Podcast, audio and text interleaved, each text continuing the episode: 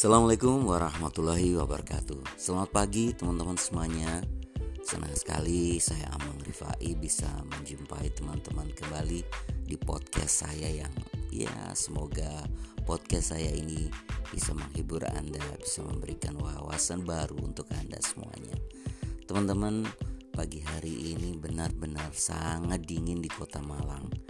Dan hal ini banyak dikeluhkan oleh teman-teman saya, oleh masyarakat di sekitar saya, tetangga dan juga orang-orang yang ada di dalam rumah. Mereka kedinginan, mereka benar-benar memakai selimut yang tebal, memakai kaos kaki, memakai uh, baju lengan panjang, pakai celana pun pada kondisi tidur karena hari ini atau beberapa bulan ini uh, memang uh, kondisi benar-benar sangat dingin sekali. Nah, teman-teman, harapan saya semuanya sehat, semuanya tetap dalam dalam kondisi prima dan kondisi yang uh, fit tak kurang satu apa. Mengingat pandemi masih belum juga berlalu dan masih harus kita hadapi sebagai kenyataan bahwa hari ini kita berdampingan dengan sebuah virus yang benar-benar kita tidak tahu musuh kita ini seperti apa. Dan yang jelas teman-teman boleh Anda khawatir, boleh Anda takut, tapi kekhawatiran dan ketakutan ini jangan sampai benar-benar mengganggu uh, pikiran Anda sehingga bisa benar-benar bisa melemahkan imun Anda. Baik teman-teman, saya akan melanjutkan tentang perbincangan saya uh, atau pembicaraan saya dengan uh, teman waktu itu yang dia tanya tentang bagaimana dengan asuransi syariah Oke, okay, saya tahu kalau asuransi syariah ini adalah sebuah konsep asuransi dengan konsep tolong menolong atau tahun atau uh, hibah atau uh, menggunakan dana tabaruk dan sebagainya. Nah, bagaimana uh, pihak uh, pengelola atau pihak asuransi mendapatkan yang bisa jadi hak mereka kalau semua uh, bentuk nilai kontribusi tadi tidak dimiliki oleh perusahaan. Nah, teman-teman, saya akan melanjutkan tentang sebuah konsep uh, asuransi syariah di mana ada sebuah bagian yang namanya yaitu ujroh, teman-teman. Nah, ujroh atau uh, komisi atau fee ini memang sengaja diberikan oleh perusahaan pengelola asuransi syariah untuk mereka uh, menerima fee dari apa yang mereka kelola. Contohnya seperti ini teman-teman. Kemarin saya sudah cerita tentang bagaimana asuransi syariah ini dipecah menjadi dua ya. Yang pertama adalah sebagai dana tabaruk yaitu dana umat yang tidak boleh diotak-atik oleh perusahaan dan sebagian lagi uh, yaitu dana untuk investasi.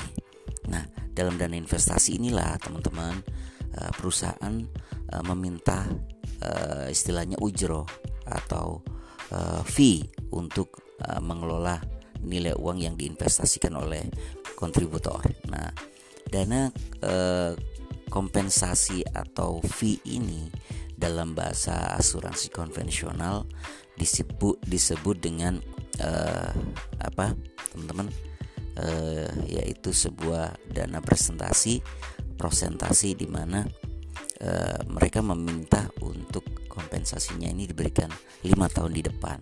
Nah, hal inilah mengapa sebuah perusahaan asuransi syariah masih bisa bertahan dan dari mana mereka dapat duit kalau semua dana yang diberikan oleh uh, kontributor ini atau uh, seorang yang berkontribusi menjadi peserta ini harus disimpan di dana tabaruk. Nah, mereka akan mendapatkan fee atau ujro ini yang disertakan pada saat akad pertama nasabah ingin membuka polis. Nah, di situ disebutkan bahwa uh, ada dana uh, kompensasi atau fee atau dana akuisisi yang benar-benar memang diminta oleh perusahaan di awal. Nah, artinya benar-benar terbuka teman-teman. Perusahaan meminta di awal, oke, okay, kami meminta fee atau ujro sebesar sebesar sekian persen sampai dengan tahun kelima. Nah, kesepakatan ini harus disampaikan kepada nasabah biar akadnya ini benar-benar terjadi dua arah teman-teman ya. Jadi kalau uh, perusahaan meminta dana kompensasi atau fee sekian persen besarnya dari tahun pertama, kedua, ketiga sampai tahun kelima, maka perusahaan harus wajib menyampaikannya kepada calon nasabah secara fair, secara terbuka dan ini adalah sudah bentuk sebuah konsep syariah. Mereka harus saling uh, mengucapkan akad dua arah. Nah, dalam hari ini akhirnya nasabah bisa memilih kalau mereka melihat oh ya dana akuisisinya sebesar ini, oh ya dana kompensasi atau fee yang diminta perusahaan sebesar ini. Kalau mereka setuju, ya mereka boleh langsung melanjutkan untuk mengajukan uh, apa memiliki polis. Kalau mereka nggak setuju ya nggak apa-apa seperti itu teman-teman. Jadi benar-benar ada dua arah pembicaraan tentang uh, kompensasi atau fee atau biaya akuisisi kalau di asuransi konvensional. Nah, sedikit teman-teman semoga uh, mungkin apa yang menjadi perbincangan saya dengan teman saya dan rasa penasaran mereka kalau begitu uh, sudah terjawab ternyata pihak asuransi memperoleh ujro atau fee di depan selama lima tahun yang sebelumnya juga disampaikan kepada calon nasabah atau calon peserta. Nah, akad dua arah inilah yang akhirnya bisa membuat uh, win-win pihak perusahaan bisa mendapatkan kompensasi atau fee-nya sedangkan uh, peserta bisa mendapatkan nilai tabaruk yang dilindungi dan dikelola oleh perusahaan sehingga kalau terjadi apa-apa kepada mereka maka perusahaan dan peserta yang lain siap membantu mereka.